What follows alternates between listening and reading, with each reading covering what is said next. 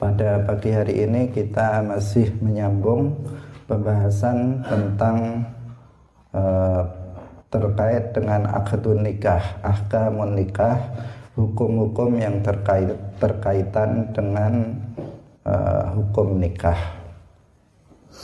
Mari kita memulainya dengan mengikhlaskan niat kita lillahi ta'ala. Wa aqdun nikahi yahtaju ila mazid ihtiyatin wa tathabbutin hadaran mimma yatarattabu ala faqdi dhalika. Di antara salah satu hukum terkait dengan nikah adalah fasakh. Secara umum fasakh ini digunakan untuk istilah merusak akad pernikahan. Fasakh bisa terjadi dari salah satu suami dan istri atau keputusan daripada hakim. Nah, sedangkan infisah adalah rusaknya akad pernikahan disebabkan oleh hal-hal tertentu. Jadi karena hal-hal tertentu akad pernikahan itu bisa rusak dengan sendirinya. Ya, artinya disebabkan oleh perkara-perkara tersebut. Nah, akad pernikahannya itu menjadi rusak. Nah, sehingga bagi seseorang yang tidak memahami atau tidak menyadarinya, maka dia bisa merasa bahwa uh, hubungan di antara keduanya suami istri itu baik-baik saja. Tetapi sesungguhnya uh, keduanya itu sudah sudah rusak. Uh, hubungan keduanya akad pernikahannya itu sudah rusak disebabkan oleh hal-hal tertentu yang nanti akan kita sebutkan. Hadirin rahimakumullah sebab-sebab fasakh yaitu antara lain yang pertama furqatul i'sar fil mahri wan nafaqah yaitu fasakh yang disebabkan oleh sulitnya sang suami membayar mahar atau memenuhi nafkah sehari-hari. Jadi ketika uh, suami tidak bisa melaksanakan kewajibannya membayar mahar kepada istrinya. Atau dia tidak bisa memberikan nafkah terhadap istrinya maka di sini bisa dilakukan fasakh. Bisa dilakukan penghapusan apa namanya akad pernikahan yang terjadi di antara keduanya. Kemudian yang kedua adalah furqatul uyu yaitu fasakh yang disebabkan adanya cacat. Salah satu pihak dari pasangan suami istri. Nah, yang memperbolehkan keduanya melakukan fasakh misalnya salah satu dari suami istri itu gila. Nah, maka di sini boleh untuk melakukan fasakh. Atau misalnya salah satu dari keduanya itu punya penyakit juzam atau baros dari penyakit kulit yang sangat apa namanya menular dan berbahaya misalnya maka di antara keduanya itu boleh melakukan fasakh yaitu merusak apa dari akad pernikahan di antara keduanya. Atau misalnya tertutupnya lubang kemaluan nah, bagi si istri. Atau misalnya terpotongnya kemaluan laki-laki atau misalnya impotensi dari laki-laki misalnya. Maka itu adalah aib-aib uh, jika terjadi di antara uh, pasangan suami istri maka keduanya boleh melakukan fasakh. Uh, nanti pengadilan yang akan menetapkan berdasarkan alasan-alasan tersebut. Uh, bisa dengan alasan pertama misalnya sejak dia uh, sejak dia misalnya menjadi istrinya selalu suaminya kesulitan dalam memberikan nafkah misalnya. Nah, tidak pernah atau misalnya si suami itu uh, memberikan nafkah dengan baik kepadanya. Ini bisa bisa menuntut fasakh di pengadilan. Demikian juga kalau ada aib-aib, aib-aib yang tadi sudah kita sebutkan, maka di sini uh, dimungkinkan uh, dilakukan fasakh uh, di di depan hakim, nanti hakim yang memutuskan terjadinya uh, terhapusnya atau rusaknya uh, apa akad pernikahan di antara keduanya karena alasan-alasan yang tadi sudah kita sebutkan. Hadirin hadirat rahimakumullah. Sedangkan infisah, uh, infisah di sini terjadi dengan sendirinya meskipun tanpa uh, tanpa diajukan ke pengadilan untuk dilakukan apa namanya merusak akad pernikahan tetapi di sini terjadi dengan terjadinya hal-hal yang akan kita sebutkan. Jadi begitu seseorang apakah itu suami atau istri melakukan hal-hal yang nanti kita sebutkan, maka akad pernikahan akad pernikahannya secara otomatis nanti akan rusak. Apa saja di antaranya ini adalah tidak seluruhnya yang disebutkan di sini hanya gambaran secara umum. Kalau tadi hanya kita sebab hanya disebutkan dua, di sini disebutkan empat. Yang pertama adalah furqah wati subahah.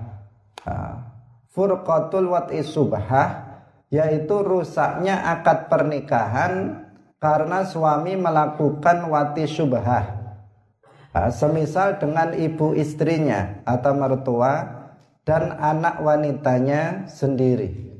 Jadi tanpa dia sengaja namanya wati subahah si suami melakukan hubungan suami istri tanpa sengaja dengan mertuanya atau dengan anak perempuannya. Maka di sini akad pernikahan dia dengan istrinya itu infisah terjadi apa menjadi rusak akad pernikahan di antara kedua keduanya. Kemudian yang kedua adalah furqatul Islam yaitu rusaknya akad pernikahan karena masuk Islamnya salah satu pasangan suami istri yang sebelumnya sama-sama kafir. Karena kalau apa namanya, misalnya uh, orang kafir dengan orang kafir mereka melakukan akad pernikahan berdasarkan tata cara agama mereka maka itu dikatakan sah menurut agama mereka nah ketika salah satu di antara suami istri itu masuk Islam maka akad pernikahan mereka itu infasaho itu menjadi rusak gara-gara salah satu dari keduanya itu masuk ke dalam agama Islam. Nah. Kemudian yang ketiga adalah furqatur riddah yaitu perceraian karena murtadnya salah satu pasangan suami istri. Baik uh, riddahnya itu dengan riddah keyakinan, riddah perkataan maupun riddah perbuatan. Jadi seperti yang sudah kita jelaskan dalam bab akidah beberapa waktu yang lalu bahwa salah satu konsekuensi akibat yang muncul dari riddah adalah salah satunya e, batal akad pernikahan yang terjadi di antara suami istri. Bila ada suami istri, salah satu dari keduanya, apakah itu istrinya atau suaminya kemudian mengucapkan kata-kata kufur maka infasaho di sini menjadi rusak akad pernikahan di antara keduanya atau misalnya istrinya yang ngomong atau suaminya yang ngomong makanya penting untuk dipastikan bahwa suami dan istri itu memahami perkara atau hal-hal yang terkait dengan masalah riddah. Nah, jadi seorang pasangan suami istri dia harus paham apakah keyakinan-keyakinan kufur yang bisa menjadikan seseorang itu murtad. Apakah perkataan-perkataan dan perbuatan-perbuatan kufur yang bisa menyebabkan mereka itu murtad. Karena konsekuensinya bukan hanya pada mereka akan menjadi murtad keluar dari Islam. Dan jika dia mati, ini konsekuensi yang berat ya. Konsekuensi yang berat dia jika dia mati dalam keadaan murtad maka dia akan selamanya di neraka. Tetapi juga berpengaruh kepada akad pernikahannya. Sudah kita jelaskan apabila seseorang itu baru saja menikah misalnya belum melakukan hubungan suami istri. Kemudian salah satu dari suami istri itu misalnya murtad. Misalnya salah satunya mengatakan Allah itu zalim misalnya. Maka berarti dia telah jatuh kepada riddah. Maka di sini akad pernikahannya menjadi rusak. Langsung menjadi batal akad pernikahannya tersebut nah, tetapi apabila itu terjadi kepada uh, suami istri yang sudah lama, yang keduanya sudah melakukan hubungan suami istri sebelumnya. Maka dikatakan status pernikahannya itu maukuf uh, di masa iddah.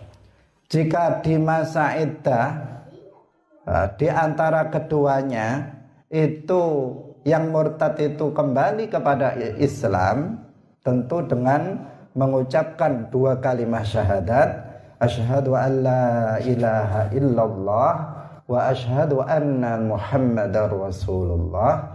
Maka uh, status akad pernikahannya kembali seperti semula.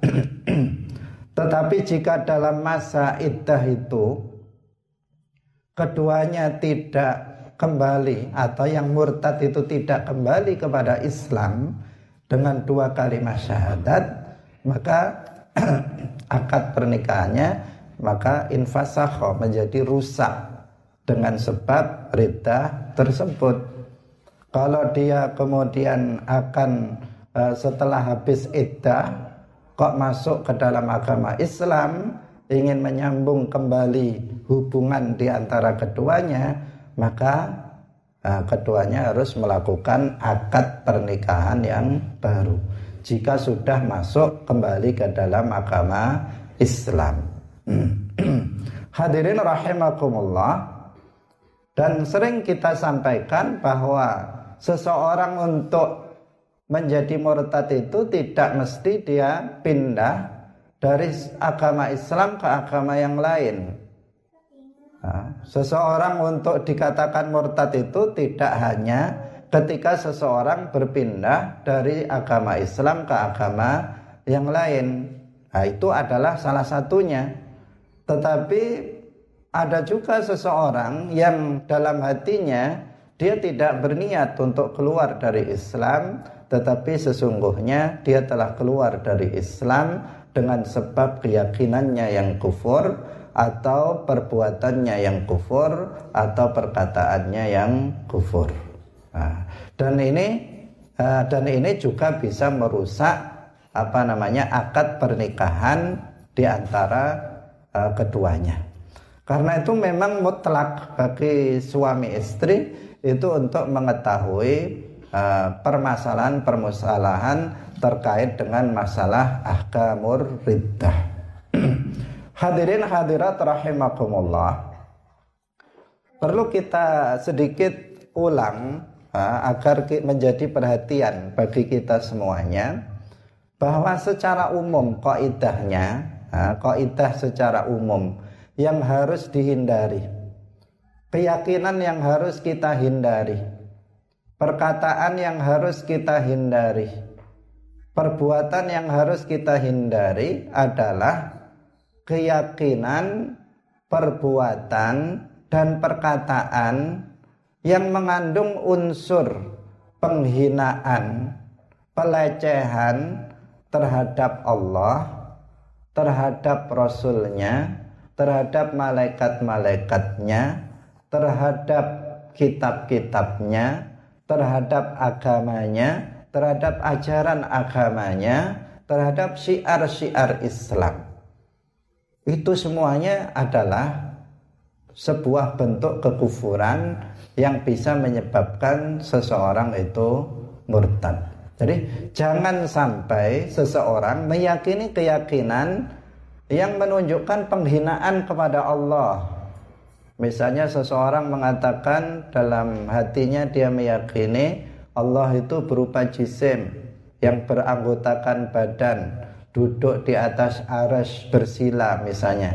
Nah, punya kepala, punya tangan, punya kaki. Itu menghina Allah. Kenapa? Karena mensifati Allah dengan sifat manusia. Ketika dia menyamakan Allah dengan manusia, namanya menghina Allah Subhanahu wa taala. Atau seseorang misalnya uh, tadi mengatakan Allah itu zalim, mengatakan Allah itu bodoh, Allah itu tuli, itu namanya menghina Allah, yaitu mensifatinya dengan sifat-sifat yang mustahil bagi Allah Subhanahu wa taala.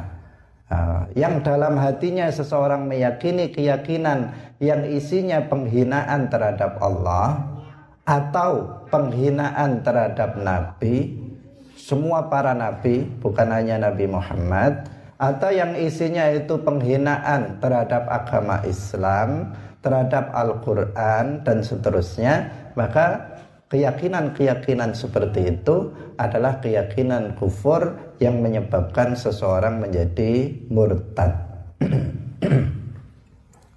yang kedua adalah perbuatan. Jangan sampai seseorang itu melakukan suatu perbuatan yang perbuatan itu mengindikasikan pelecehan, penghinaan terhadap Allah terhadap para nabinya, terhadap kitab-kitabnya. Kalau ada seseorang misalnya dengan sengaja ada nama Allah dalam kertas nama Allah lafzul jalalah, kemudian dengan sengaja dia kemudian menginjaknya dengan kakinya, dengan telapak kakinya. Dia tahu dan sengaja melakukannya. Itu artinya apa? Dia sudah melakukan perbuatan yang isinya penghinaan kepada Allah. Atau dia misalnya ada mushaf Al-Quran. Al-Quran harus dimuliakan. Dia adalah kitab Allah. Kemudian dengan sengaja dia letakkan misalnya Al-Quran itu di kursi, kemudian didudukinya dengan pantatnya, sengaja dia melakukannya, dia melihat dia tahu itu Al-Quran, sengaja dia melakukannya, maka dia berarti telah melakukan perbuatan yang isinya penghinaan terhadap Al-Quran. Nah, kalau ada yang semacam itu, maka dia akan jatuh kepada riddah. Atau seseorang misalnya sujud kepada matahari, atau sujud kepada berhala, atau sujud kepada manusia tujuannya untuk beribadah kepada manusia itu. Maka dia juga akan jatuh kepada riddah jika dia statusnya itu seorang suami atau seorang istri maka akad pernikahannya menjadi rusak. Karena ada yang melakukan seperti itu atau yang ketiga adalah berupa apa? perkataan dan ini yang paling banyak terjadi ketika seseorang mengucapkan kata-kata eh, kata-kata yang isinya adalah penghinaan, pelecehan terhadap Allah, terhadap Rasulnya, terhadap kitab-kitabnya, terhadap malaikatnya, terhadap syiar-syiar agama Islam. Hadirin hadirat rahimakumullah. Maka suami istri nggak bisa hanya salah satunya saja yang paham terkait dengan masalah riddah ini. Jadi suami istri tidak hanya cukup suaminya paham tentang masalah riddah, tapi istrinya nggak paham, nggak cukup. Bisa jadi nanti yang melakukannya adalah istrinya, maka akad nikahnya tetap nanti akan terancam rusak.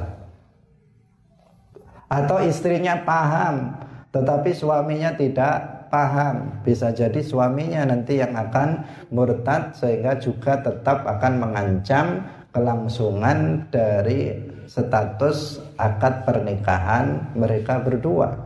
Karena itu dua-duanya harus memahami tentang masalah ahkamur riddah. Dan ini sangat apa? Sangat yang paling berbahaya di sini. Karena pada hari ini banyak sekali orang yang tidak memahami persoalan ini. Sehingga menganggap karena tidak paham menganggap bahwa ridha itu hanya ketika seseorang pindah agama. Ketika seseorang itu tidak berniat pindah agama, dianggap dia masih Islam dan akad pernikahannya tidak terganggu. Dia menganggapnya seperti itu. Padahal dalam hadis disebutkan innal abda la yatakallamu bil kalimati la yara biha ba'san yahwi biha finnari sab'ina kharifa. Nah, bahwa ada seorang hamba dia betul-betul dia berbicara dengan suatu perkataan la yara biha ba'san. Dia tidak melihat bahwa dalam perkataan itu ada bahaya dikira perkataan itu biasa-biasa saja, nggak masalah ngomong seperti itu. Anggapan dia, menurut anggapan dia, ngomong seperti itu nggak ada masalah. Tetapi kata Nabi Yahwi biha finnari sab'ina kharifa. Meskipun begitu, meskipun dia menganggap ucapan dia itu biasa-biasa saja, tidak dosa, apalagi kufur, dia tidak menyangka sama sekali itu adalah kekufuran, tetapi kata Nabi, dengan sebab perkataan itu yang dianggap biasa-biasa saja itu dia masuk ke dalam dasar neraka jahanam. Artinya dia menjadi kafir disebabkan dengan ucapannya tersebut. Nah, ketika ini terjadi, seseorang misalnya asal bicara tentang urusan agama yang kemudian berisi pelecehan, penghinaan terhadap Islam, penghinaan terhadap Allah, malaikatnya, rasulnya, kitab-kitabnya. Nah, kemudian dia merasa itu tidak masalah. Maka itu bukan bukan uzur yang menjadikan dia dimaafkan dari terjatuh dari riddah uh, untuk jatuh kepada riddah yang salah satu konsekuensinya akibatnya adalah uh, infasakha nikahuhu nikahnya akad pernikahannya itu menjadi rusak disebabkan oleh uh, di antara pasangan suami istri tersebut. Nah, inilah pentingnya uh, apa namanya uh, pasangan suami istri yang uh, yang memahami tentang dasar-dasar ilmu agama dan wajib bagi seorang suami untuk mengajari istrinya hal-hal terkait tentang ilmu din al-daruri ilmu agama yang pokok karena dengan ilmu agama yang pokok itu seseorang akan bisa terselamatkan dari api neraka nanti di akhirat.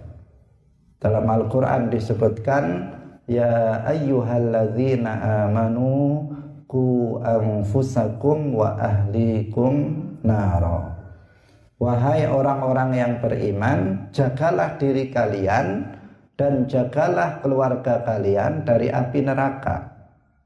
Bagaimana menjaga diri kita dan keluarga kita dari api neraka? Caranya bagaimana?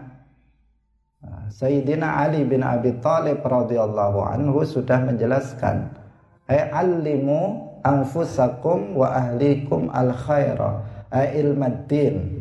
Ajarkanlah ilmu agama pada diri kalian dan keluarga kalian.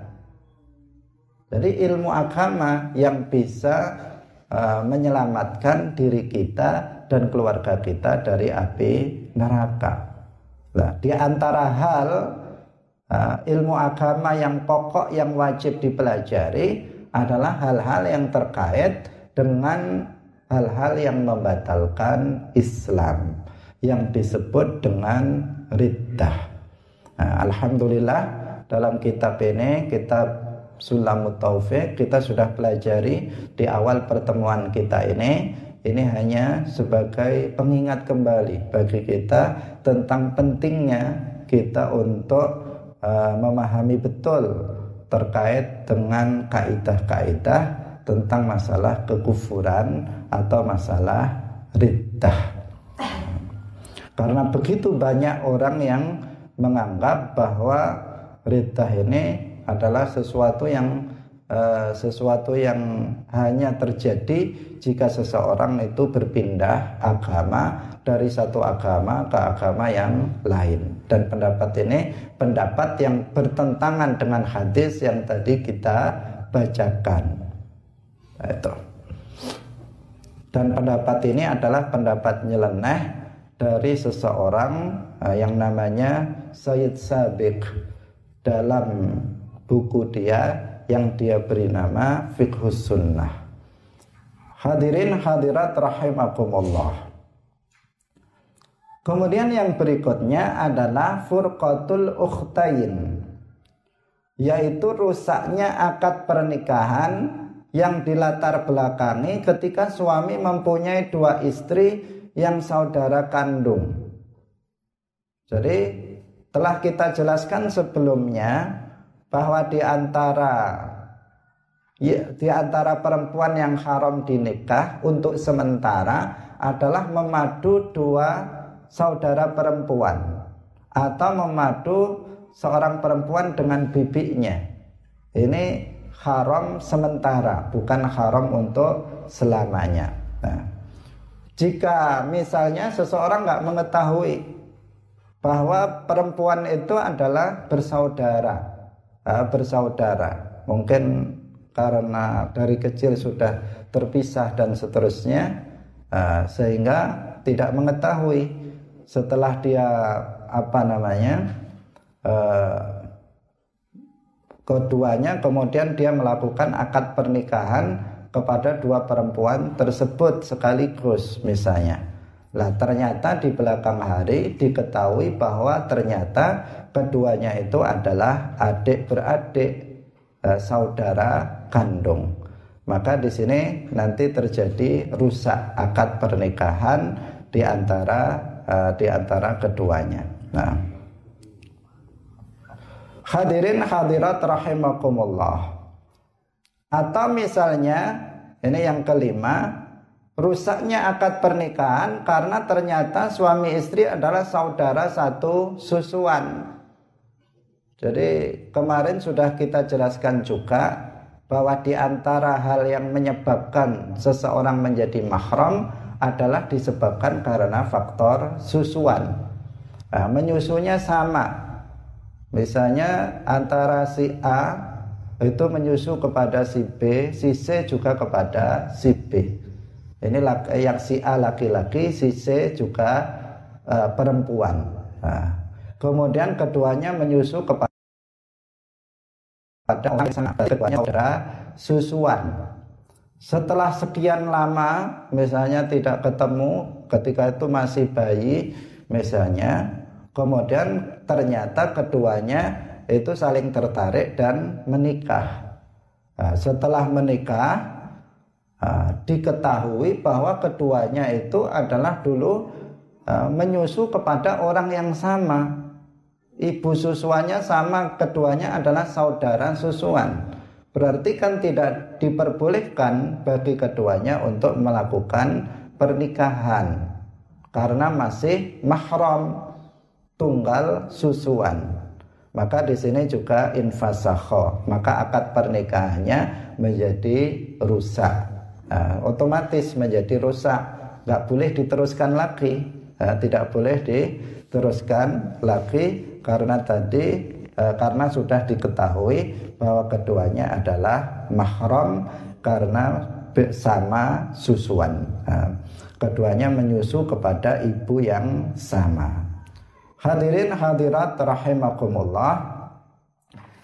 Inilah beberapa uh, beberapa penyebab dari infisah yaitu rusaknya uh, sebuah akad pernikahan disebabkan oleh hal-hal hal-hal yang tadi sudah kita sebutkan yaitu yang pertama furqah wat'i syubhat furqatul islam furqatul riddah furqatul ukhtain kemudian yang kelima yaitu rusaknya akad pernikahan karena ternyata suami istri adalah saudara satu susuan